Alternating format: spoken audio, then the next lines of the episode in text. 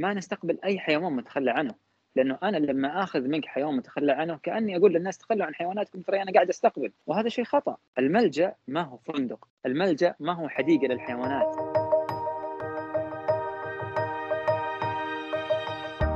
مرحبا. معكم دكتور محمد أبو جبارة من بودكاست حوار بيطري. نحن كبشر نعاني ونقاسي الأمرين من قسوة الحياة وظروف معيشتها ونحاول جاهدا التاقلم مع الصعوبات اليومية اللي نواجهها في هذا العالم. في هذا العالم شركائنا في الأرض الحيوانات أيضا يمرون بظروف كثيرة وانكسارات وتشرد ومنهم من يكون جريح وضرير بلا حول ولا قوة. وفي آخر الطريق كان هناك ضوء في آخر النفق ألا وهو جمعية رحمة تطوعية لإنقاذ الحيوانات وعلاجها وعرضها للتبني تحت شروط معينة. ضيف هذه الحلقة الأستاذ بدر الطيف. المشرف العام لجمعية رحمة للرفق بالحيوان وملجأ رحمة للحيوانات الأليفة. حياك الله أستاذ بدر. الله يحييك دكتور محمد وسعيد جدا بالتواجد معكم وأيضا جمعية رحمة للرفق بالحيوان.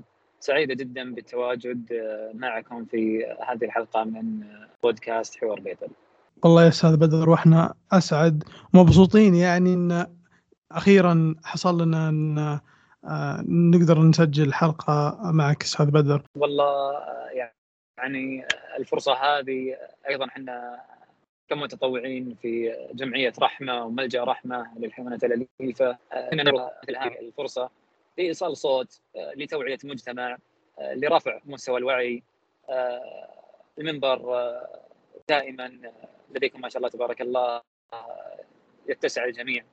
لذلك الحمد لله نجدها وسيلة لإيصال صوتنا وإيصال صوت من لا صوت له. الله يعطيك العافية أستاذ بدر طبعا كلنا آه، تصب أهدافنا في مجرى واحد ألا وهو إيصال رسالة مثل ما تفضلت وتوعية المجتمع. أستاذ بدر آه، يا ليت والله لو تعرف الجمهور الكريم عن نفسك أكثر للناس اللي ما تعرفك. آه، بالبداية أنا صراحة أحب أعرف بالجمعيه جمعيه رحمه لركب الحيوان لأنه آه، بدر طريف ما هو إلا يعني آه، شخص يخدم آه، في منظومة يعمل من ضمن فريق فريق رحمة فريق متكامل من المتطوعين اللي يعملون بلا كلل بلا ملل بلا شرط بلا قيد. من أجل رعاية وحماية الحيوان والرفق به من أجل تأمين منازل دائمة وآمنة للحيوانات المنقذة سواء كانت قطط أو أو كلاب أو حتى أرانب حيوانات أليفة بشكل عام. آه، أنا أخوكم بدر أطريف معلم لغة إنجليزية آه، محب آه، للحيوانات. حبينا أنا ومجموعة من الإخوان تأسيس هذه الجمعية جمعية رحمة للرفق بالحيوان سعينا لإصدار تراخيصها الرسمية من وزارة الموارد البشرية والتنمية الاجتماعية. وبحمد الله تعالى تحقق الحلم. آه، الجمعيات بشكل عام تتواجد دائما آه، لملء فراغ. آه، القطاع الغير ربحي هو قطاع ثالث يدعم بعض المشاكل ويقدم لها الحلول التي يعجز القطاع الحكومي أو حتى القطاع الخاص علاجها. نحن اجتمعنا كمؤسسين وأسسنا هذه الجمعية جمعية رحمة للرفق بالحيوان من أجل أن نصنع الفرق. آه، لمسنا حاجة الحيوانات الضعيفة آه، لمن يعمل آه، بعمل مؤسسي من أجل إيجاد حل لهذه المشكلة الحيوانات الموجودة في الشوارع في الطرقات الحيوانات الضالة التي تعاني من عدم وجود من يتصدى لحل هذه المشكلة؟ من يقدم لها العون والمساعدة؟ من يقدم لها الخدمات البيطرية والرعاية الكاملة؟ آه، الحمد لله يعني إن الله آه، اختارني أنا وعدد كبير من آه، الإخوان والأعضاء والأخوات أيضا أعضاء الجمعية وكذلك من المتطوعين والمتطوعات من أجل خدمة هذا المجال مجال الرفق بالحيوان. مثل ما ذكرت لك يعني أنا فقط عضو وأنا فقط فرد في مجموعة فأحب بشكل كبير إنه آه، يكون الكلام بشكل عام عن عن الجمعية آه، لأنه فعلا آه، هي تمثلنا كلنا جميعا وأنا أرى نفسي فيها والجميع من المتطوعين والأعضاء يرون نفسهم هم رحمة ورحمة ترى نفسها الأعضاء. الله يعطيك العافية أستاذ بدر على هذه التعريف بالجمعية ويعني ككيان كامل. طبعا دائما الناس الناس تقول إن آه، الخير الخير يخص والشر يعم. تمام؟ لكن الناس والأشخاص والأعضاء في جمعية رحمة فعلا يعكسون هذا المثل ويعلمون الناس إن فعلا الناس فيهم خير إلى الآن. يعني يعطيكم العافية ما قصرتوا والله يجزاكم خير. أستاذ بدر. الله يسعدك. آه، بالنسبة لاعضاء ومتطوعين جمعية رحمة لرفق بالحيوان آه، هم في الحقيقة أسرة واحدة هم كيان واحد. آه، الأسرة هذه تمتد تكبر. الأسرة هذه محبة. الأسرة تعمل بشغف. تتفانى من أجل رعاية الحيوان تقديم الخدمات له رعايته بشكل يومي. تأهيل طبي تأهيل سلوكي تأهيل اجتماعي. الكل مثل ما ذكرت يعمل تطوعا يعني لا يوجد أي فرد داخل هذه المنظومة يستلم هللة واحدة من أجل القيام بهذه المهام والأعمال. ولكن المحرك الوحيد هو الشغف وحب الخير. من يعطف بالحيوان ويرفق بالحيوان ويحسن للحيوان بلا شك ويقينا أنه يعني وصل لمرحلة تعدى فيها الإحسان للإنسان حتى وصل آه، الإحسان للحيوان. آه، معلومة ربما قد تغيب عن الكثير. آه، جمعية رحمة لرفق بالحيوان تساهم في إطعام الصائمين تساهم في كفالة الأيتام في الصدقات وتوزيعها توزيع الكسوات. الجمعية رغم تخصصها في مجال الرفق بالحيوان إلا لها أعمال إنسانية كثيرة جدا وهذا نابع من داخل المتطوعين والأعضاء. آه، الرحمة لا تتجزا آه، من يرفق بالحيوان هو أكيد يرفق بالإنسان. آه، نحن لسنا أمام خيار الرفق بالحيوان أو الرفق بالإنسان. المجال مفتوح كل هذه أبواب خير. وأحببنا أن نطرقها. ونسأل الله عز وجل أن يكتب لنا الإخلاص والقبول وأن يكتب لنا ولكم الأجر. اللهم آمين يا رب العالمين. يعطيكم العافية مرة ثانية ويجزاكم خير. أستاذ بدر انت تطلع من دوامك تتوجه للشلتر وتداوم يعني هناك أكثر من ساعة تمام وبلا مقابل وقلت لي إن الشغف هو المحرك الداخلي لك والأعضاء الكريمين في آه، رحمة. كلمنا أكثر عن الجهاد هذا اللي تعيشونه يوميا تمام؟ التعب اللي تواجهونه كأعضاء كيف يعني تبسطون هذه الصعوبات وتذللونها عشان تمارسون مهامكم اليومية في أعمالكم اليومية وبالتوازن مع دوامكم في أو عملكم أو تطوعكم في جمعية رحمة. آه، مثل ما ذكرت يعني إحنا المحرك آه، الأساسي لنا هو الشغف. إحنا مجموعة دائما نقول الحمد لله اللي ربي اختارنا علشان نصنع الفرق. إحنا كمتطوعين وكأعضاء من المعلم، المهندس، الطبيب، الطيار، الممرض الممرضة شتى الوظائف شتى المهن لكن آه، تجمعنا الرحمة بالحيوان والرفق بالحيوان. آه، يعني إحنا آه، أنت ربما أنك ذكرت في سؤال إنه ممكن إني أروح أقعد ساعة هناك أو ساعتين.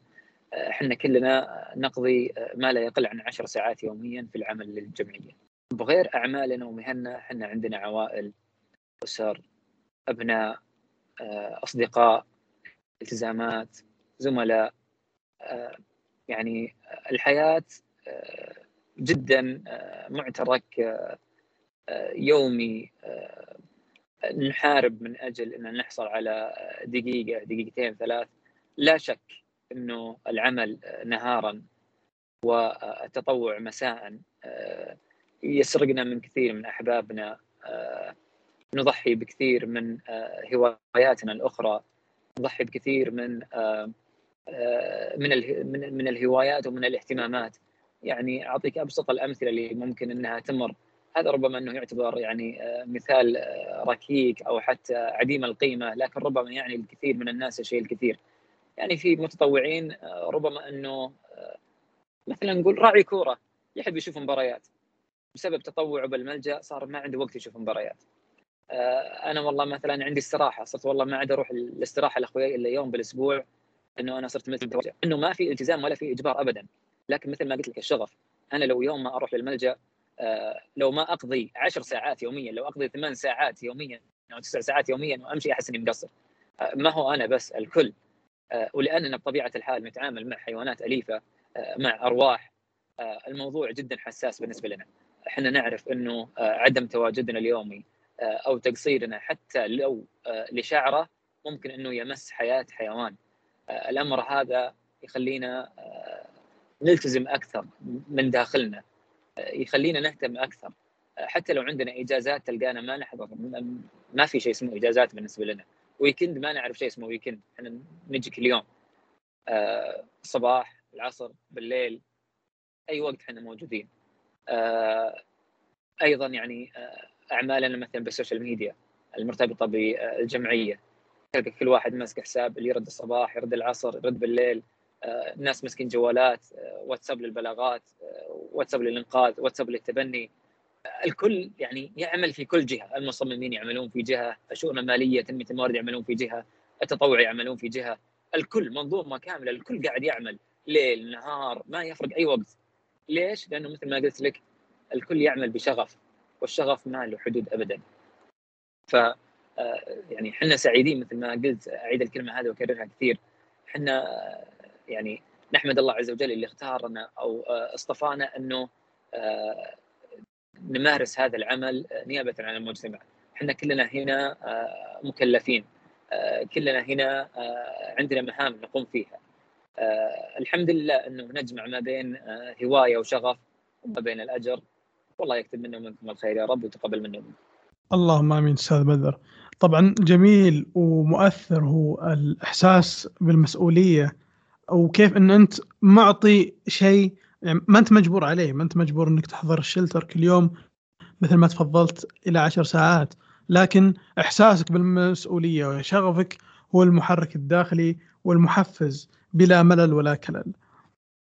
طيب أستاذ بدر أنا بودي تتكلم أو تعلمني من البداية وش هي بدايتكم مع الحيوانات وإيش سبب لاختيار الحيوانات الأليفة بشكل خاص؟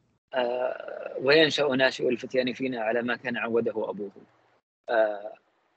من منزل مهتم بالحيوانات الأليفة خصوصا بالنسبة لي أنا شخصيا الطيور أنا نشأت في في منزل جدي الله يغفر له يرحمه عنده طائر الدره المطوقه الدرة الهندية جاية من الهند.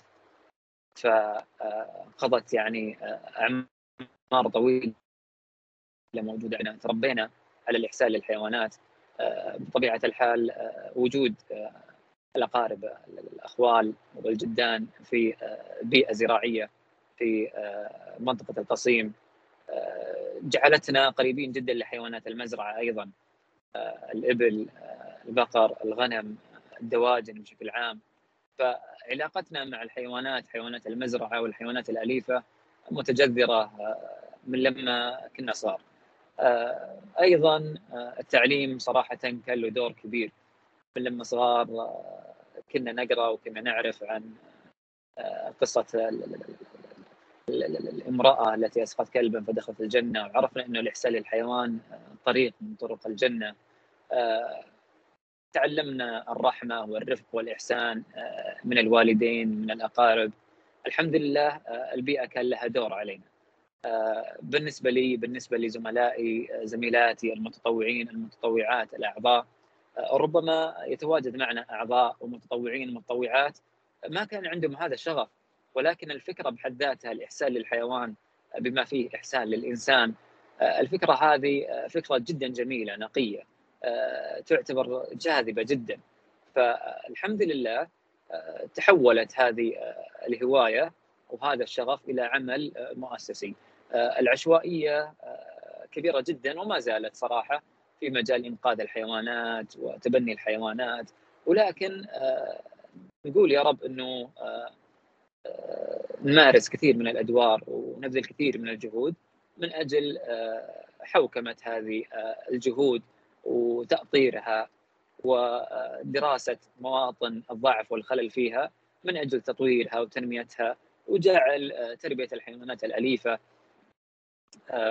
هواية مدروسة مقننة تضبطها كثير من الأنظمة والقوانين الموجودة والتشريعات الموجودة ولكن ربما تطبيقها يكون صعب بسبب عدم وجود بيئة خصبة أو ربما قواعد بيانات تربط المربين والهواة مع بعض.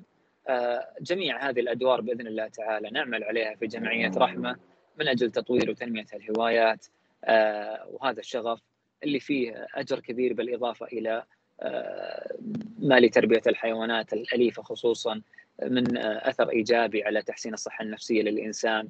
والدراسات التي أثبتت هذا هذا الشيء وهذا الأمر. أيضا مثل ما نعرف إنه كثير من الأطفال أو الأشخاص المصابين ربما ببعض الأمراض النفسية كتوحد طيف التوحد العزلة هذه كلها ربما يكون للحيوانات الأليفة لها دور إيجابي جدا كبير على الإنسان، إحنا نعرف كثير من التجارب ناس ربما إنهم كانوا عندهم صدمات نفسية تخطوها بسبب وجود حيوان أليف قريب منهم. بالنسبة للحيوانات الأليفة وحيوانات المزرعة تم اختيار هذا المجال لأنه عندما جينا نأسس الجمعية جمعية رحمة للرفق بالحيوان عندي إصدار التراخيص من وزارة الموارد البشرية والتنميه الاجتماعية تم إجبار الجمعية على اختيار طريق واحد إما الحيوانات الأليفة حيوانات المزرعة أو الحيوانات الفطرية.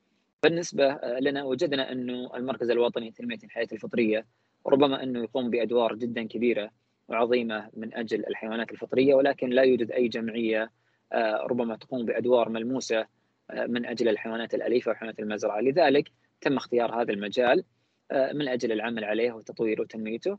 والحمد لله يعني الجمعية ربما أنها جمعية لا زالت ناشئة ما اكملت سنتين من عمرها لكنها بحمد الله وفضله ومنته وجدت دعم كبير من الناس من كثير من الأشخاص اللي عندهم الوعي الكافي لدعم الجمعية وأعمالها وتمكينها.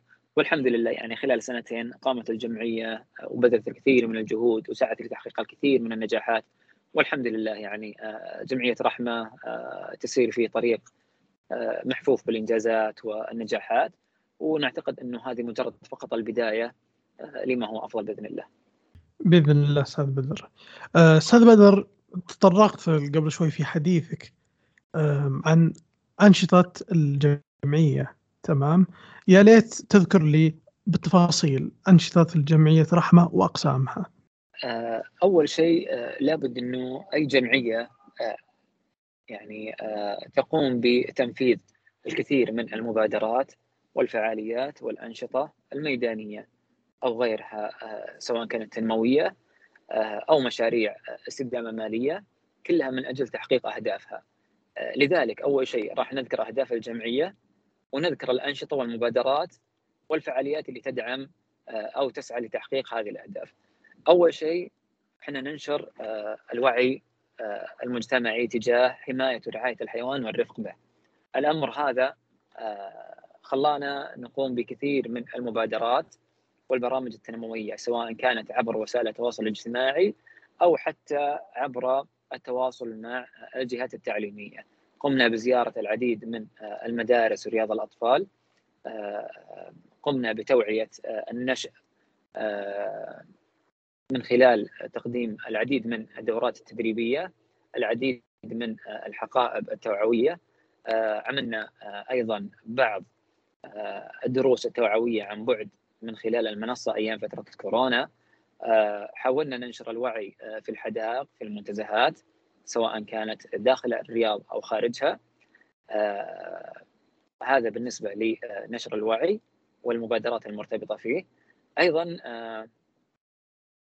تقديم خدمات التأهيل والتبني الحمد لله ملجأ جمعية رحمة للرفق بالحيوان من خلال إنقاذ الحيوانات يقوم بعرض عدد جدا كبير من الحيوانات للتبني وتوفير المنازل الدائمة والآمنة لها.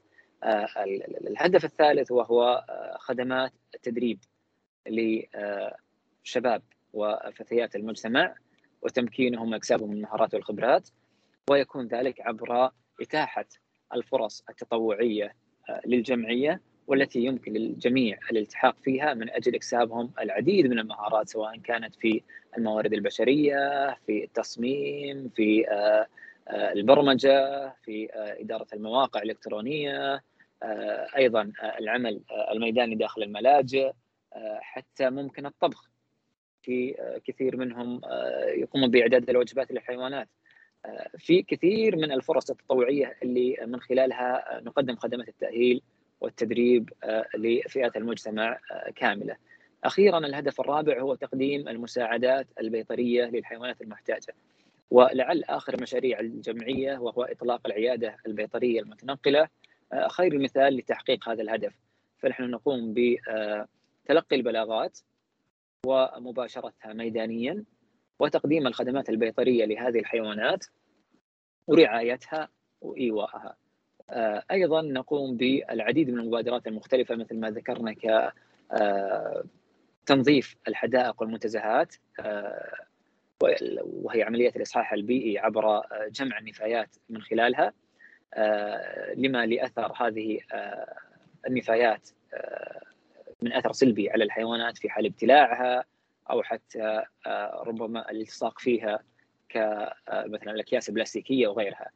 آه، نقوم بالكثير من المبادرات مثل مبادرة التبني آه، مبادرة عين الرفق لتوعية آه، ملاك محلات بيع الحيوانات ومستلزماتها بحقوق الحيوان حسب نظام الرفق بالحيوان لدول مجلس التعاون لدول الخليج العربية أيضا قمنا ب يعني نتفاعل دائما مع الأيام العالمية كاليوم العالمي للبيئة اليوم العالمي للطيور المهاجرة اليوم العالمي للسعار اليوم العالمي للحيوان جميع هذه الفعاليات أو هذه الأيام التوعوية العالمية جمعية رحمة تتواجد فيها من أجل آه، نشر الوعي وصنع الفرق. يعطيك العافية أستاذ بدر. طبعا ما شاء الله عليك. انت آه، آه، استرسلت في جوابك. يعني كان ما شاء الله ما أستغرب ما استرسال معلم ما شاء الله تبارك الرحمن. لكن راح أعقب على ردك في ثلاث نقاط. تمام؟ التعليم منذ الصغر بزيارة رياض الأطفال والمدارس. آه، مثل ما ذكرت قبل البيئة تلعب دور محوري. أيضا في في مجتمعنا قد نفتقر للتوعية بأهمية دور الحيوانات ووجودها أو دور وجود الحيوانات في حياتنا وكيف آه، راح تتغير حياتنا بوجود حيوانات. أيضا الثقافة والرحمة والتعامل والرقي في التعامل مع الحيوانات. فهذا من الأشياء الجميلة اللي آه، رحمة آه، أو جمعية رحمة تطوعية تتميز فيها. في نشر الوعي من هذا الجانب المهم الذي قد يغيب حتى في المدارس للأسف. ثانيا فرص التدريب والفرص الوظيفية. تمام؟ أذكر أنا في أحد الزيارات لكم أستاذ بدر تطرقنا لموضوع آه، التدريب والفرص الوظيفية كثير من الناس تتخوف من آه، أماكن التدريب أيضا في بعض الناس ما تعرف أماكن تدريب متميزة هل يعني هل أحد جاكم يتدرب خلينا نقول هل جاكم طبيب بيطري أو شخص مساعد بيطري طلب منكم القيام بالتدريب أو انها يخضع لتدريب من قبلكم؟ آه ربما أنه يعني هذه آه التنهيدة اللي في بداية الجواب هي آه يعني هذه نص الجواب. آه دكتور محمد بالنسبة لي آه التطوع أو العمل آه في مهنة الطب البيطري أو حتى التواجد في جمعية رحمة خصوصا في ملجأ جمعية رحمة للرفق والحيوان من أجل تقديم الرعاية البيطرية للحيوانات المحتاجة خصوصا الحيوانات المنقذة آه وضعنا حقيقة العدد من الفرص التطوعية في هالمجال ولم يتقدم أحد آه أيضا آه تم الإعلان مرتين عن آه وجود فرص وظيفية للأطباء آه، البيطريين. حقيقة عدد المتقدمين لا يتعدى أصابع اليد الواحدة. الحمد لله بعد أحد الزيارات اللي تشرفت في تواجدك أنت والدكتور عبد الرحمن وبعد الكتابة في تويتر تواصل معنا أحد الطلاب في جامعة الملك فيصل من كلية الطب البيطري يوم أمس واقترح أنه يكون في عدد من الطلاب اللي ممكن أنهم يقدمون ساعات تطوعية في ملجأ جمعية رحمة للرفق والحيوان الأمر ما تعلم وش كثر حنا فرحانين فيه. الحمد لله جمعية رحمة للركب الحيوان آه، في ملجأها خصوصا آه، في عندنا عيادة ثابتة وعندنا عيادة متنقلة آه، مجهزة ومعدة بأحدث الوسائل والتقنيات. المكان مهيأ بالكامل. أيضا الحالات الموجودة حالات الإنقاذ الموجودة المتنوعة ما بين الفيروسات الإصابات الأمراض البسيطة الأمراض المزمنة تعتبر هذه الحالات آه، كنز معرفي. آه، لطالب الطب البيطري أو حتى للطبيب البيطري أو حتى مساعد الطبيب البيطري. التطوع في ملجأ جمعية رحمة للرفق والحيوان مفتوح دائما وابدا لا يغلق ابدا. إحنا راح نكون سعداء جدا بتواجد أي طبيب بيطري أو مساعد طبيب بيطري من أجل قضاء ساعات تطوعية في الملجأ. قلوبنا مفتوحة قبل أبوابنا دائما. راح نكون جدا مبسوطين لما يجينا أي طلب تطوع من أجل تقديم رعاية بيطرية للحيوانات سواء كانت عبر متابعة الحيوانات، إعطائها العلاجات، القيام بالاطلاع على العمليات الجراحية سواء كانت عمليات تعقيم أو حتى عمليات استئصال، عمليات بتر أو حتى عمليات بسيطة جدا. كل هذه الأمور يعني مرحب بها وبشدة في جمعية رحمة آه، الأبواب دائما آه، مفتوحة آه، سنقبل جميع المتدربين الراغبين في تنمية مهاراتهم وصقلها بإذن الله تعالى إنه راح يتم التنسيق من خلال الطبيب البيطري الموجود في جمعية رحمة من أجل استقبال عدد من الطلاب كدفعة أولى من جامعة الملك فيصل كلية الطب البيطري. وراح نزودهم بإذن الله بشهادات خبرة وساعات تطوعية في منصة العمل التطوعي آه، تابعه لوزارة الموارد البشرية والتنمية الاجتماعية. والمجال مفتوح للجميع. أي طبيب آه، سواء كان آه، سعودي أو حتى مقيم الأبواب مفتوحة دائما ونرحب بالجميع. هذه حيوانات محتاجه الرعاية محتاج التدخل أشخاص عندهم الكفاءة الكافية. إحنا بالنسبة لنا كجمعية نشوف هذولا باب أجر ولا يحق لنا حتى أصلا إن نسد آه، هالباب أو حتى نقفل هالباب. هذا باب أجر مفتوح للجميع. لنا وللأطباء البيطريين والمساعدين فأي وقت الله يحييهم والفرص التطوعيه مفتوحة وما زالت مفتوحة وراح نسعد بتواجد أي طبيب بيطري أو مساعد بيطري من أجل تقديم هذه الخدمات. جميل الله يعطيك العافية أستاذ بدر.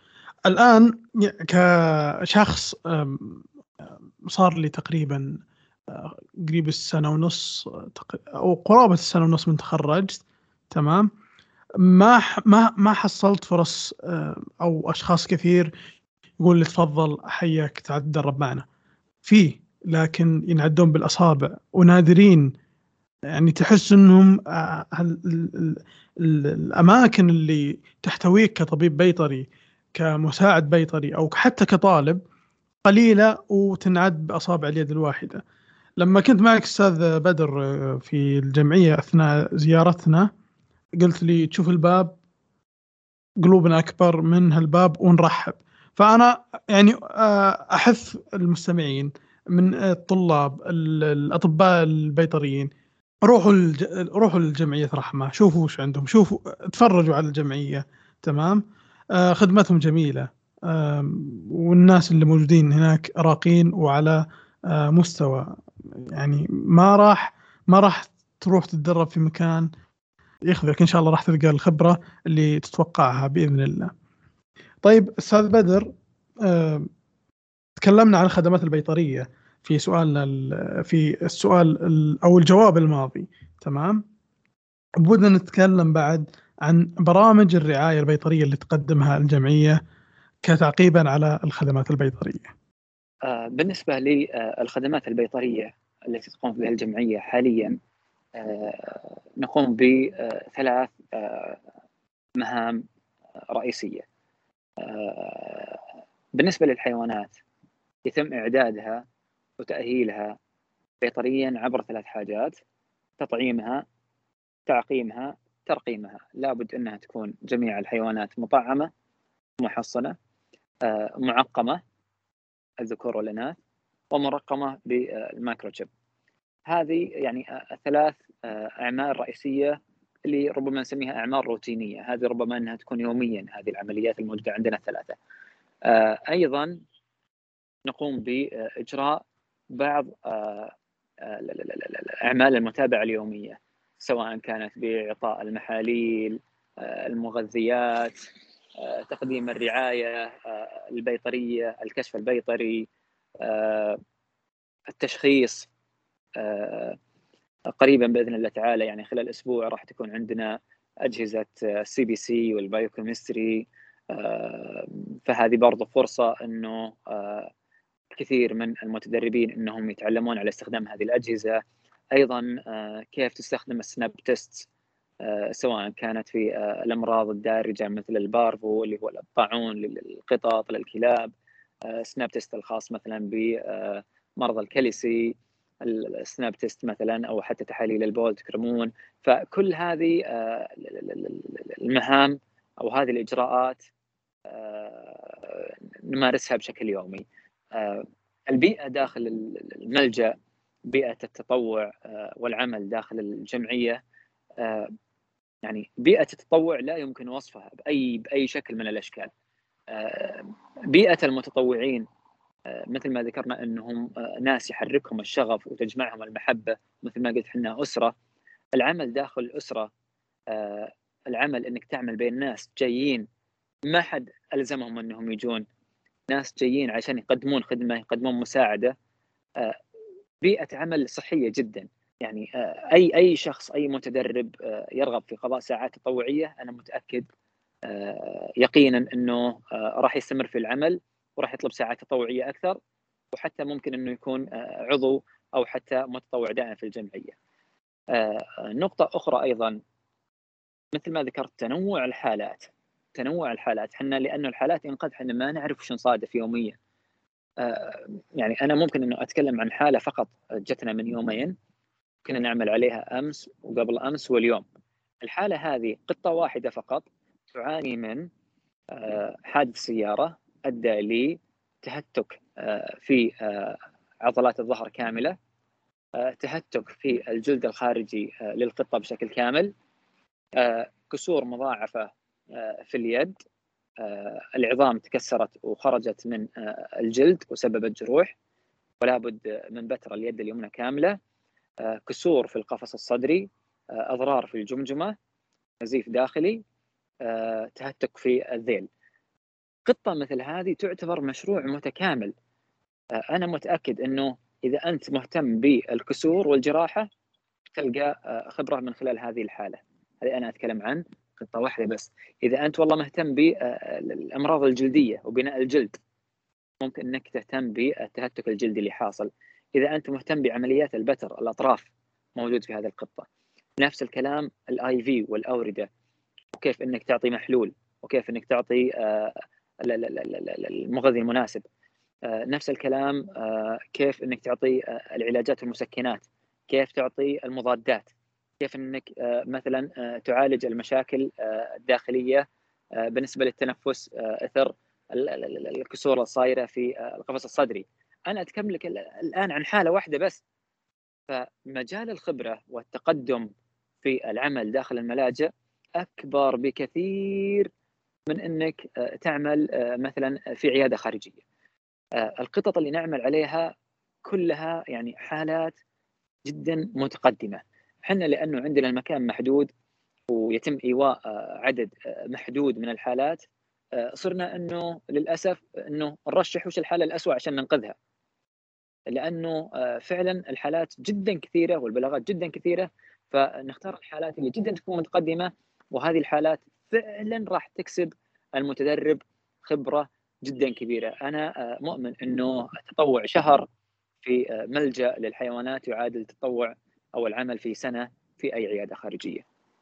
الله يعطيك العافية أستاذ بدر. طبعا أنا حاب إني أخرج عن النص شوي وأسألك عدة أسئلة سألتك إياها سابقا لكن جست إني أحمس الجمهور أحمس لو كان في أحد آه، سمع عبر المنصة أو وإن شاء الله نكون إحنا منبر الجمعية رحمة آه، أو وسيط بين جمعية رحمة والمجتمع البيطري إن شاء الله وهذا اللي أتمنى وهذا الهدف من تسجيل هذه الحلقة.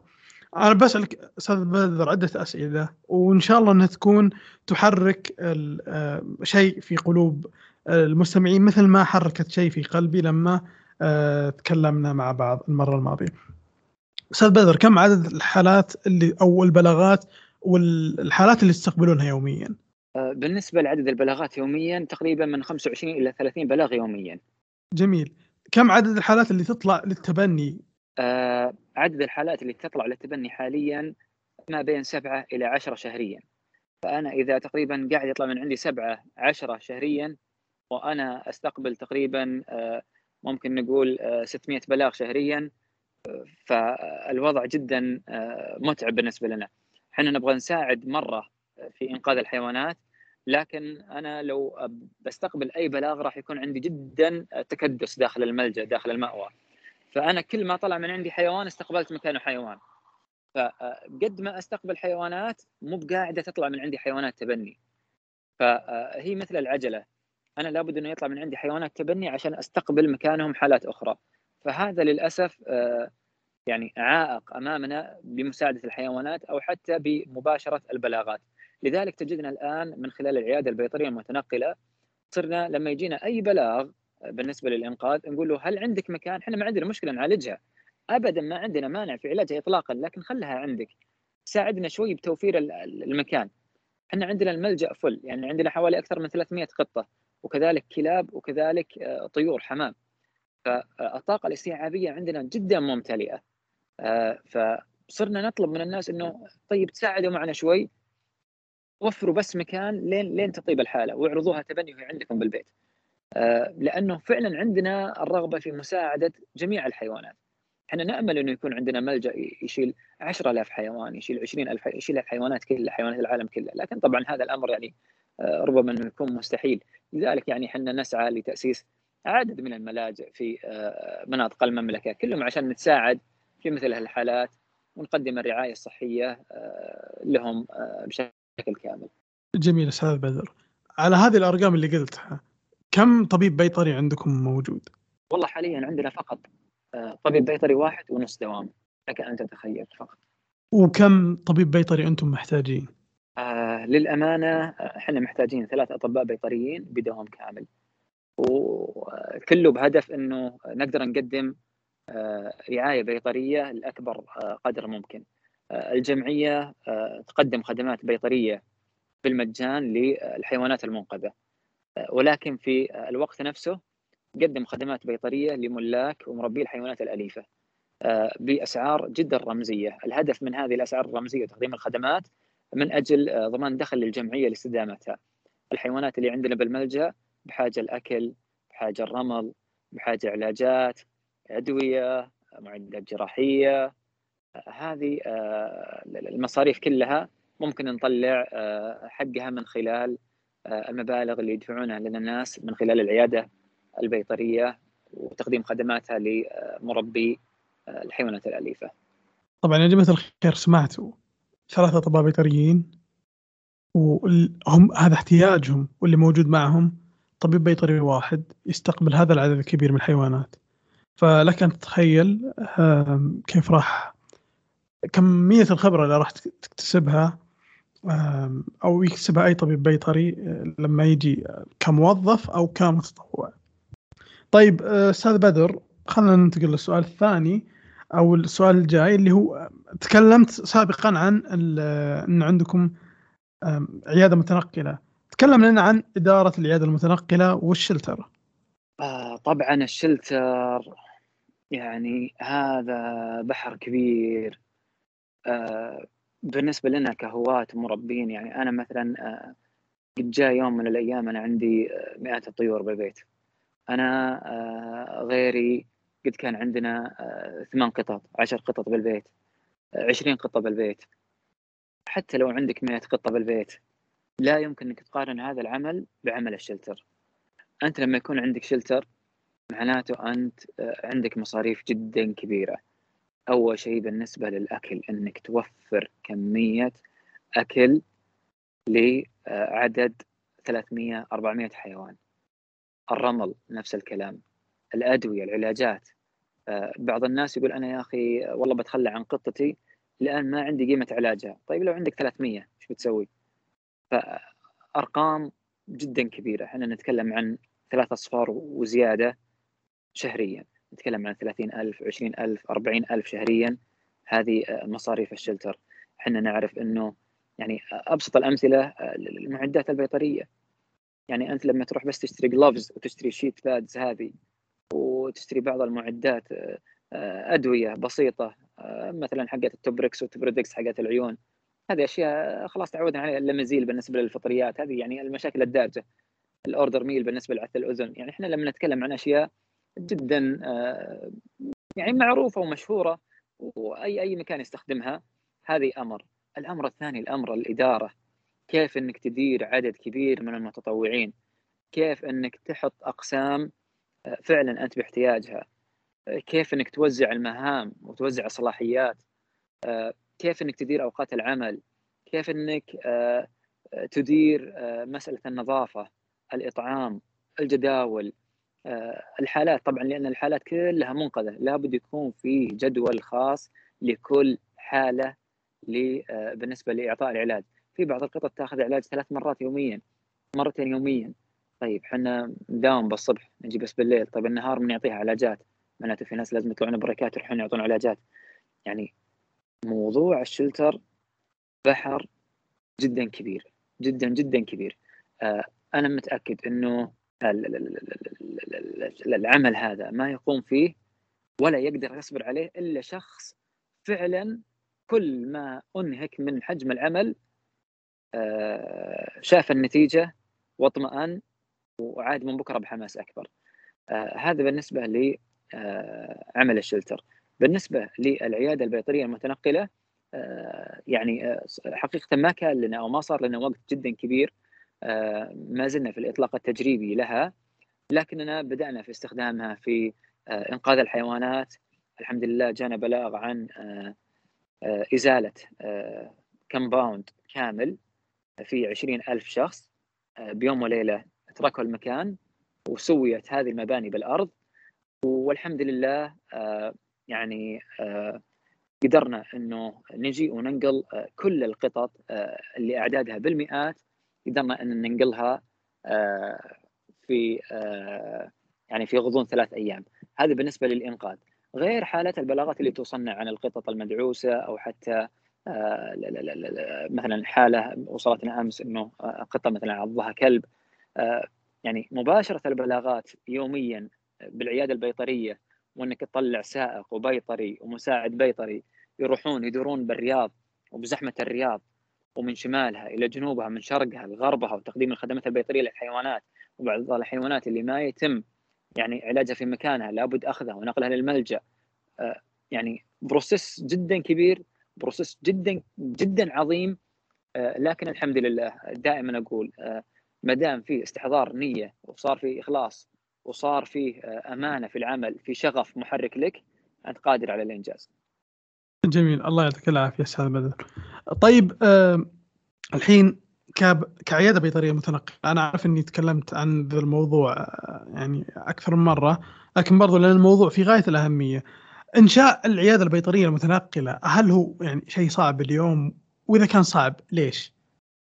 آه للأمانة الأمر ما هو صعب ابدا ابدا آه يعني أنت إذا كان عندك آه الرخصة أو الترخيص ب آه امتلاك عيادة متنقلة آه الأمر جدا سهل. مجرد إنك تشتري سيارة توديها المصنع تعطيه التصميم اللي تبغى خلال شهر بالكثير مطلع لك سيارة ولا أحلى. المسألة ما هي في مسألة توفير عيادة بيطرية متنقلة. المسألة مسألة إدارة. كيف بتديرها بعد ما تنتهي؟ وش الخدمات اللي بتقدمها؟ وهل عندك طاقم عمل ممكن يتحمل البريشر الكبير أو الضغط الكبير اللي ممكن يكون عبر أداة متنقلة آه، تتحمل الأجواء كاملة؟ يعني أنت عندك استعداد إنك تطلع الظهر بسيارة زحمة وحر. هل عندك استعداد إنك تطلع الساعة واحدة الساعة 2 بالليل؟ يعني آه، هي المسألة مسألة آه، شغف آه، بشكل كبير ورغبة بالمساعدة. جميل. أستاذ بدر طبعا أنتم تستقبلون الحيوانات المنقذة فقط. هل عندكم بروتوكول لاستقبال هذه الحيوانات ولا من الباب للطاقة؟ والله هو صراحة في بروتوكول والبروتوكول حتى هذا تغير كثير يعني دائما نعدل فيه كل ما اكتشفنا فيه ثغرة نعدل فيه فمثلا آه، ابى اعطيك البروتوكول الحالي وبعطيك بعض البروتوكولات السابقة اللي فعلا حسينا إن فيها مشكلة. البروتوكول الحالي أي قطة تدخل الملجأ لابد إنها تقعد 21 يوم هذا عزل. لأنه نتأكد إن شاء الله إنه فترة حضانة الفيروسات انتهت. بالنسبة للحيوانات. بعد ال 21 يوم يتم تطعيم القطة لأنه هذه أو تطعيم الكلب أو أي كان الحيوان لأنه هذا الحيوان ما نعرف الهستري حقه. ما نعرف آه، وش الأمراض اللي فيه وش الفيروسات اللي فيه وش تاريخه الصحي ما, ما نعرف. آه، حتى بعض الناس اللي ممكن يتخلى عن الحيوان الأليف أو يرميه عند الباب حتى ما يحط لنا ورقة مثلا يقول إن القط هذا مثلا في بارفو مثلا أو في كاليسي أو أي مرض معدي. فنكتشف مثلا إنه والله بعد ما نجمع الحيوانات ونحطها إنه تتفشى عندنا الأمراض بشكل كبير. آه، فيتم بعد 21 يوم تطعيم القطة. بعدها آه، يتم اعطائها آه، الجرعة التنشيطية. بعد الجرعة التنشيطية آه، بأسبوعين يتم تعقيم الحيوان. بعد التعقيم بأسبوعين يتم تأهيله سلوكيا في حال حاجته للتأهيل السلوكي. ثم يتم عرضه للتبني ويتم ترقيمه وقت خروجه. طبعا في database كامل لأي حيوان يدخل الجمعية. معلوماته كاملة من وين جاء ومن اللي سلمه وش وضعه الصحي ومتى تطعم متى تعقم بحيث إنه آه، يعني زي يكون آه، ال file يعني زي زي نظام المستشفيات بالضبط. كل آه، قط له ملف كامل يشرح فيه كل شيء. اسمه صورته عمره متى تم جمعه وأين سيتم إطلاقه حتى إذا تم تبنيه من اللي تبناه معلوماته بالتفصيل. فهذا البروسيس اللي كان يمشي. يعني آه، من ضمن الأشياء اللي تم تعديلها من بعض البروتوكولات اللي سويناها كان عندنا نظام تربية جماعي. فالقطط الجاهزة للتبني كانت تخلط. فكنا نخليها يعني بحيث إنه آه، هم يونسون بعض ولما ندخل عليهم الناس تدخل توكل قطط والناس تتجمع عليها القطط فيكون يعني لا لا لا لا المكان جدا لطيف. لكن للأسف هذا يعني ضد قاعدة مكافحة انتشار العدوى. ففعلا لما يكون أي قط أو حيوان مصاب آه، نكتشف إنه فجأة عدد كبير من الحيوانات آه، القطط هذه آه، لقط هذا الفيروس أو البكتيريا أو حتى المرض.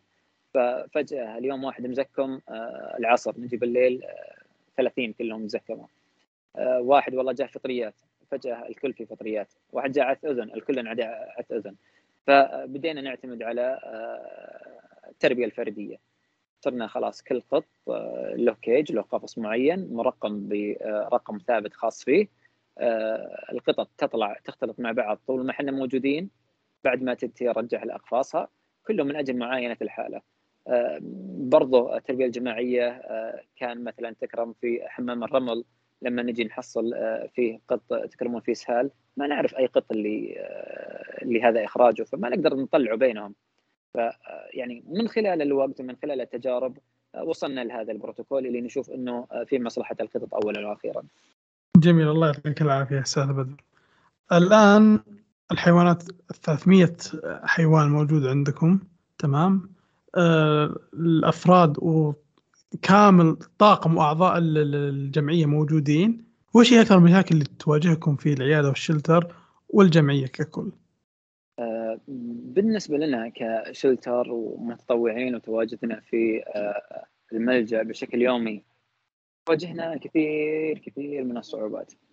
آه، أول شيء صراحة كثير من الصعوبات النفسية خلينا نبدأ بالصعوبة النفسية. آه، لما يتم إنقاذ حالة والحالة هذه تكون حرجة ممكن تقعد عندنا يوم يومين ثلاثة أسبوع نفقد هذه الحالة للأسف. أكيد أن هذا يعني قدر ولا بد من الرضا والتسليم. ولكن إنه يعني بالنسبة لنا إحنا نتضايق كثير. كثير كثير نتضايق لخسارة أي روح اي اي أي حيوان. فتلقى إنه اليوم هذاك ربما إنه يكون يعني شوي النفسية شوي تكون مضروبة. تلقانا نعمل يعني أنت عارف إنه يعني تكون نفسيتك شوي ما ما هي ما هي كويسة. خصوصا إنه لما يكون مثلا حيوان بعض الأحيان آه، كنا نحاول نعالجه لمدة ثمان شهور تسع شهور عشر شهور من مرض مزمن بعدين بالأخير نفقده وهو أصلا صار جزء مننا جزء من عائلتنا في الملجأ فهذه يعني على قولتهم تلقي بظلالها سلبيا علينا لكنها آه، يعني نتذكر إنه في حيوانات أخرى آه، ممكن إنه نصنع الفرق فيها فترجع لنا الروح المعنوية من جديد. آه، برضو نواجه كثير من الصعوبات بالنسبة للاعمال البيطرية. يعني خلال الفترة الماضية هذه كلها ما كان عندنا أجهزة تحليل دلم ولا عندنا أجهزة تحليل وظائف أعضاء فكان كثير من الحيوانات تعاني وحنا ما نعرف فجأة نلقى الحيوان طايح تعبان لكن إذا فات الفوت ما ينفع الصوت نلقى إنه آه، للأسف إنه خلاص يعني آه، المرض تمكن منه أو حتى آه، المشكلة تمكنت من الحيوان. طبعا كل هذا بسبب ضعف الدعم المادي. الجمعية يعني ربما أنه مجموع الدعم الشهري للجمعية ممكن الجميع يتفاجأ لو أقول أنه خلال مثلا الشهر الماضي شهر كامل الجمعية ما استقبلت ولا حتى 400 ريال. فكيف حنا ممكن أنه نقوم برعاية أكثر من 300 حيوان وحنا دخلنا الشهري ما يتجاوز 400 ريال؟ كيف؟ الأمر غير منطقي اطلاقا. فقلة الدعم المادي والمالي للجمعية إحنا نعمل وفق طاقة وفق إمكانيات معينة. مثل ما ذكرت إن إحنا عندنا هدف وعندنا رغبة إن نساعد كل الحيوانات. ولكن في ظل غياب الدعم سواء كان الدعم الحكومي أو حتى دعم المجتمع، دعم الأفراد. في ظل غياب الدعم آه، ما نقدر نقدم كثير صراحة فعلى قد ما يجي يكون عندنا إمكانيات وهذا سبب إنشاء العيادة البيطرية المتنقلة عشان تكون مصدر دخل تساعدنا من أجل تحقيق الأهداف هذه. فالأمور المادية آه، من أهم الصعوبات صراحة اللي تواجه الجمعية في تحقيق أهدافها. نتمنى بإذن الله تعالى إنه يكون آه، المجتمع على قدر كبير من المسؤولية عندهم وعي جدا كافي. آه، يعني مثل ما ذكرت إحنا الحمد لله ربي اختارنا أن نعمل في هالمكان. في ناس ما عندهم القدرة إنهم يعملون لكن ممكن إنهم يدعمون سواء بكلمة أو حتى بتبرع أو حتى نشر. فهذه آه، تقريبا من الصعوبات اللي تواجهنا. لكن الحمد لله يعني طول ما إحنا موجودين في الملجأ وطول ما إحنا موجودين في آه، الجمعية فإحنا قادرين يعني نقدم كل ما في إيدينا. لكن بحاجة مساعدة الناس وإيمانهم بالجمعية وبالملجأ. طبعا أبواب الملجأ دائما مفتوحة للجميع. كثير ربما عندهم استفسارات آه، كثير عندهم أسئلة. ممكن إنهم يجونا نتكلم معهم نشوفهم يشوفون يشوفون حجم العمل داخل الملجأ. يشوفون وش الخدمات اللي نقدمها. وبإذن الله تعالى ان إحنا قادرين على إقناع الجميع بإذن الله. بإذن الله يا أستاذ بدر. آه، طبعا تستلمون الحالات شبه شبه نافقة. تعطونهم الرعاية الك... يعني الأكثر من كافية. وتسكنونهم إلى أجل غير مسمى. وفي النهاية تعرضونهم آه للتبني. خلينا نتكلم عن التبني أستاذ بدر. يعني هل هل هناك وعي من الناس اللي تجي تتبنى. هل أنت يعني كشخص آه مسؤول وشخص إداري هل ترى في الناس اللي يعني آه، تجي تتبنى هل تتسم بالجدية؟ هل أنتم وضعتم شروط آه، عشان ترفع من خلينا نقول جدية والمسؤوليه بتبني آه، حيوان؟ طبعا حنا من آه، بدافع الحب والرحمة والإحسان للحيوان من المستحيل إني أروح أنقذ حالة كانت بحاجة ماسة للعلاج وأخذها وأعمل عليها وعلى تأهيلها طبيا وسلوكيا ست شهور سبع شهور ثمان شهور تسع شهور عشان أعطيها شخص غير مسؤول ربما إنه يعيدها لوضعها المأساوي واسوء. لذلك آه، عندنا إدارة التبني تطرح عدد من الأسئلة على الراغبين بتبني الحيوانات للتأكد من آه، مسؤوليتهم، هل هم على حجم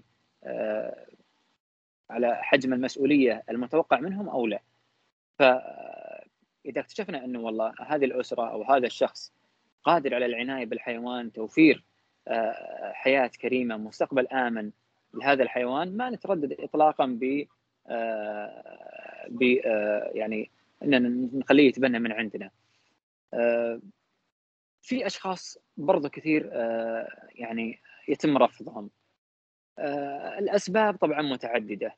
يا أما انه يكون غير قادر على العناية بالحيوان أو أنه راح يعني يكون مقصر في البيئة المناسبة للحيوان. فمثلا بعضهم يختار مثلا والله قط شيرازي شعره طويل يقول والله أنا بحط الحيوان عندي بالحوش. لا ما راح يتحمل. أو بعضهم مثلا والله يقول أنا أبغى مثلا أخذ كلب بلدي وأربي إندور مثلا. لا هذا أكيد راح يعاني لأن الكلاب البلدية تحب المناطق الكبيرة شوي. فكل حيوان آه، له رغبات معينة. هل تتوافق مع المتقدم والراغب بالتبني أو لا؟ آه، هذا الأمر يعود لاداره التبني وبعد المقابلة آه، أو حتى الأسئلة في الابلكيشن ممكن انهم يحددون هل الشخص هذا مناسب للتبني ولهذا الحيوان بالذات أو لا. طبعا بالنسبة لنا مثل ما ذكرت في بداية اللقاء إنه جميع الحيوانات عندنا في الملجأ مطعمة معقمة مرقمة. إحنا عندنا رسوم تبني، رسوم التبني عندنا 400 ريال. ال 400 ريال هذه غير ربحية، هذه أصلا تكلفة التطعيم والتعقيم والترقيم بالنسبة لنا. يعني إحنا مو قاعدين مثلا إنه نتكسب من الحيوانات أو غيرها، لا. وإذا سوينا مقارنة بسيطة إنه مثلا أنت ممكن تروح تشتري قطة من أي محل حيوانات ب 1000 ريال 1500 ريال هذه بس قيمة البسة. لو بتعقمها بتدفع 600 700 زيادة بتطعمها 300 زيادة بترقمها 200 زيادة. يعني أنت بدل ما تروح تدفع 2000 2000 وشوي على بسة تعال عندنا قطط آه، جدا جميلة جدا رائعة مطعمة معقمة مرقمة ب 400 ريال. سواء كانت قطة صغيرة كبيرة لونها حلو شعرها طويل شعرها قصير ما تفرق معنا ابدا.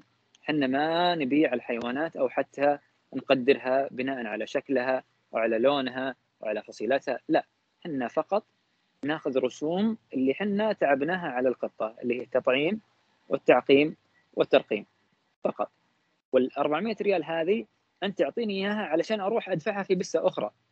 ف آه، أي رسوم تبني تجينا نروح ننقذ فيها بسه ثانية، البسه الثانية هذه برضو بحاجة تعقيم وترقيم وتعقيم فعشان كذا نروح ندفعها مرة ثانية، مرة ثالثة، مرة رابعة، فأنت لما تتبنى حيوان تأكد أن الرسوم اللي تدفعها تساعد فيها حيوان ثاني.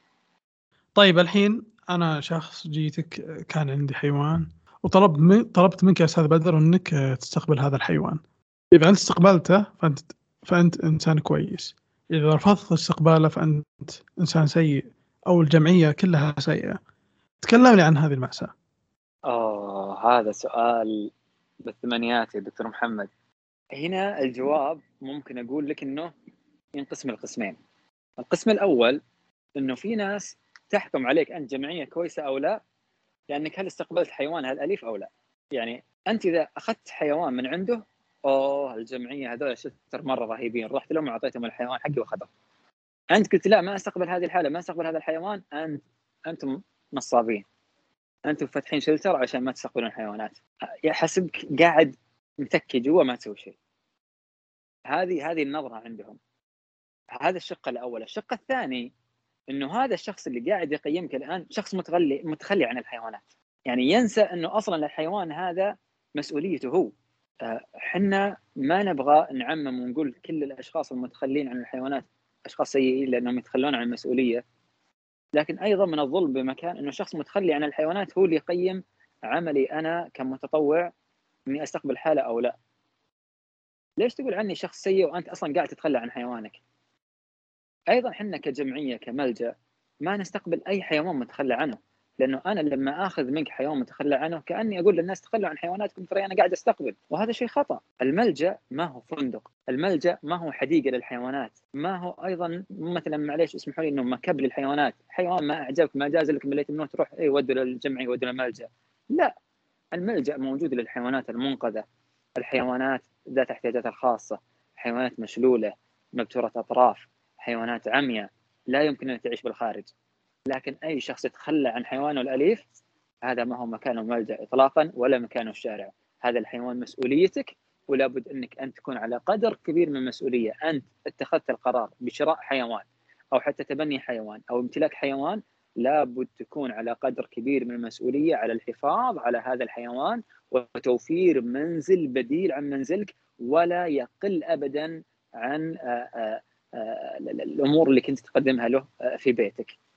فهذه النقطة جدا جدا جدا مهمة دكتور محمد إنه للأسف إنه نسمع كثير. طبعا أنا ما أتكلم برضو عن الجمعية جمعية رحمة أو حتى شلتر رحمة. أي شلتر ثاني يواجه نفس الشيء.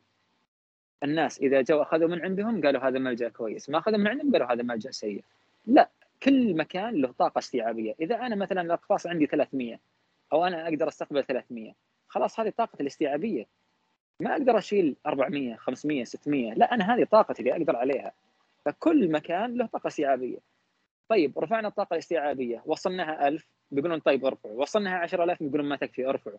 يعني ما في سقف معين راح نوصل له آه، بيرضي الناس. رضا الناس غاية لا تدرك. مهما عملت مهما سويت طبعا هذا ما يعني إننا إحنا أشخاص منزهين عن الخطأ. لا إحنا مقصرين وعندنا أخطاء كثير وحنا متطوعين مجتهدين وليس لكل مجتهد نصيب. حنا إذا أصبنا في عشرة أخطأنا في عشرة ثانية. لاننا إحنا مثل ما ذكرت بالاخير إحنا ما إحنا أشخاص متخصصين. إحنا قاعدين نعمل وفق قدرتنا وفق إمكانياتنا لكن في الوقت نفسه لابد إنه آه يعني آه المتخلي عن الحيوان أو حتى المجتمع آه نطالب منهم بالإنصاف آه في التقييم. ومثل ما قلنا دائما أبوابنا مفتوحة ممكن الجميع يدخل يشوف الشلتر جوا يشوف حجم العمل يشوف كمية الحيوانات الموجودة قبل إعطاء الأحكام. المشكلة إن في ناس كثير يعني على بالهم إن الحيوان هذا اللي راح يتبناه هذا لعبة تسلية لولدي الصغير. لا يا جماعة لازم هذا المفهوم يتغير. تمام؟ إحنا كأطباء بيطريين لما فيما بيننا لما راح نوصف صاحب الحيوان ما نقول صاحب الحيوان نقول عائلة الحيوان فيعني يا ليت إنه يكون في قدر من المسؤولية أي شخص يقتني حيوان سواء نشتريه أو يتبنى أو يحصله يا ليت إنه يكون آه، على قدر من المسؤولية وعلى قدر من الوعي. أنا مؤمن بإذن الله تعالى إنه أنا والتيم الموجود آه، معنا بالجمعية قادرين على صنع التغيير بالنسبة لتربية الحيوانات الأليفة حمايتها رعايتها ونشر الوعي. أنا بالنسبة لي حاليا ما أرى نفسي في مجال آخر مثل مجال الرفق بالحيوان. آه، أسعى وأجتهد أني أقدم كل ما بوسعي. أعمل آه، ليلا نهارا أعمل آه، أصحى على حالة إنقاذ وأنام على حالة إنقاذ. حياتي كلها للأمانة تغيرت. علاقات كثير ربما إنها فترت من أجل انشغالي في الجمعية من أجل الرفق بالحيوان.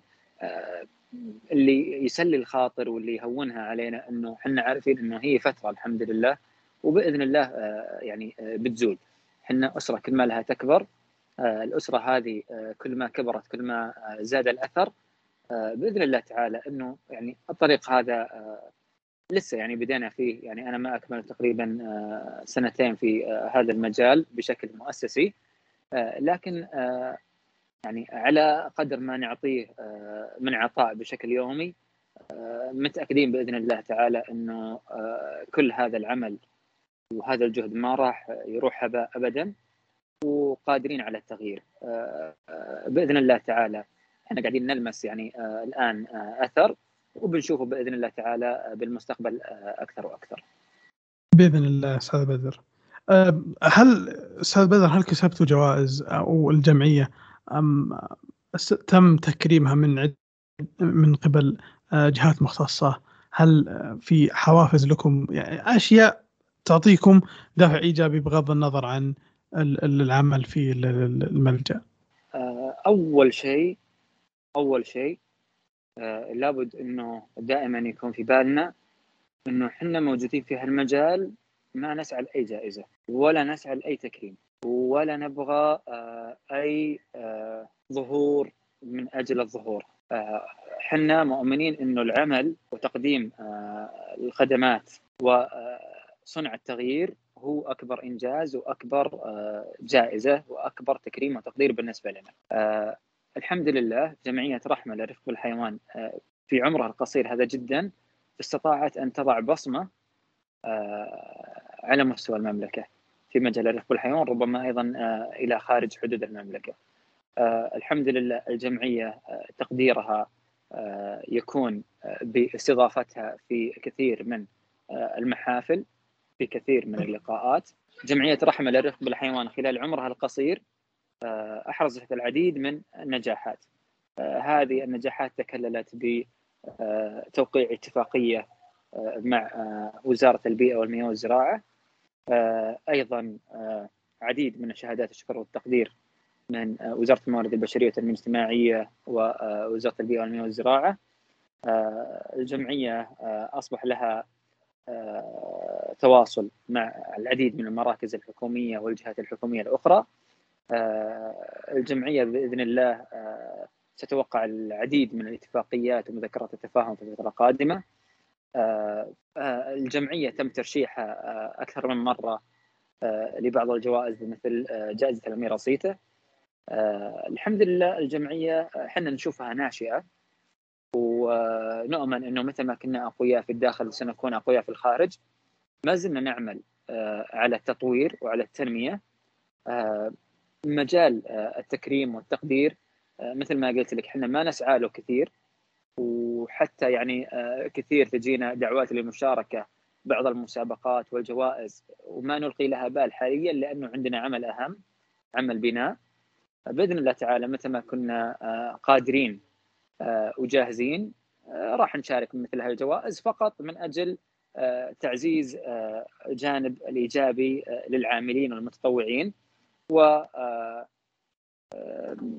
ممكن نقول إنه شيء جميل إنه ممكن نقدم لهم بعض الجوائز باسمهم إنه ما وصلنا لهذه المواصيل إلا بعملكم كمتطوعين. لكن حاليا مثل ما قلت لك إحنا في فترة بناء كجمعية ما زالت ناشئة. ونرى أن التقدير آه، والتكريم يكون بصنع الأثر بالميدان. و آه، آه، إننا كيف يكون المجتمع مؤمن فينا أكثر. بحول الله ربي إن شاء الله يقويكم ويسدد خطاكم إن شاء الله. أستاذ بدر من منصة بودكاست حوار بيطري هل عندك نصيحة تقدمها للمجتمع البيطري؟ ربما إنه ما راح أفيدكم آه، كبيطريين آه، بشيء جديد ولكن يعني آه، أنا أحب انه أذكر يعني إنه أنتم ما شاء الله تبارك الله في مجال أنا أتمنى أنه في يوم من الأيام ترجع بي الحياة لاكون طبيب بيطري.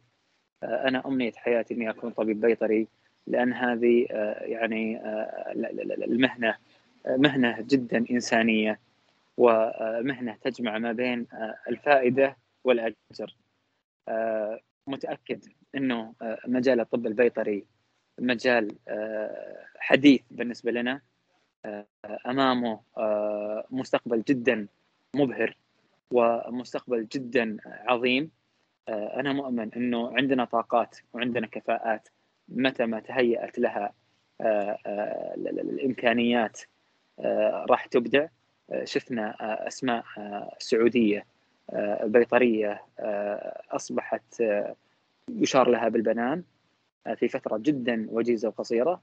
متأكد إنه بإذن الله تعالى خلال الأعوام القادمة إنه راح يكون عندنا أسماء دكاترة بيطريين جدا رائعين توفير الخدمات البيطرية للحيوانات الأليفة على وجه الخصوص البيتس مجال واعد ومتنامي آه، العمل في هذا المجال آه، والتدريب فيه والاختصاص فيه متأكد بإذن الله تعالى إنه راح يكون آه، علامه فارقه في المجتمع قريبا.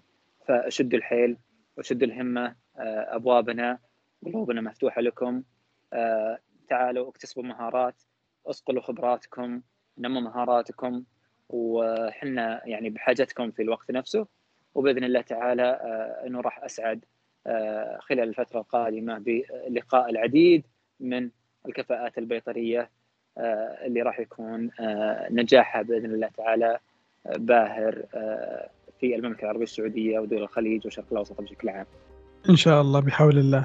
أستاذ بدر آه، قبل لا أختم أحب أقول لك نيابة عن آه، فريق حوار بيطري ونيابة عن زملائي وزميلاتي الأطباء البيطريين المساعدين البيطريين والمجتمع البيطري ككل. آه نشكركم لأنكم آه أطباء بيطريين بلا آه خلينا نقول بلا شهادة. أنتم كجمعية تطبقون المفهوم حق الطب البيطري آه بلا راتب. فيعطيكم العافية وإن شاء الله حنا كحوار بيطري راح نقدم الدعم اللي نقدر عليه في مجالنا وفي الشيء اللي نبرع فيه. وأنا أتوقع الكثير من الدعم خصوصا إن شاء الله بعد ما آه، يكون في انتشار هذه الحلقة راح تجد آه، كثير من المتطوعين.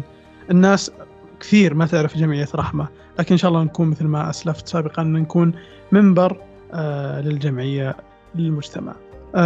إلى هنا نكون وصلنا لنهاية حلقتنا. نشكر الأستاذ بدر الطريف حضوره معنا ورواية تجربة آه، جمعية رحمة المميزة. كما بوسعكم اقتراح ضيف أو مواضيع على بودكاست حوار بيطري بمراسلتنا على سعودي بيت شانل at gmail.com أو على أحد حسابات البودكاست على منصات التواصل الاجتماعي. ولا تنسوا تقييم الحلقة على المنصة التي تستمعون منها بالإضافة إلى نشرها مع زملائكم من المجتمع البيطري. في سعة الله.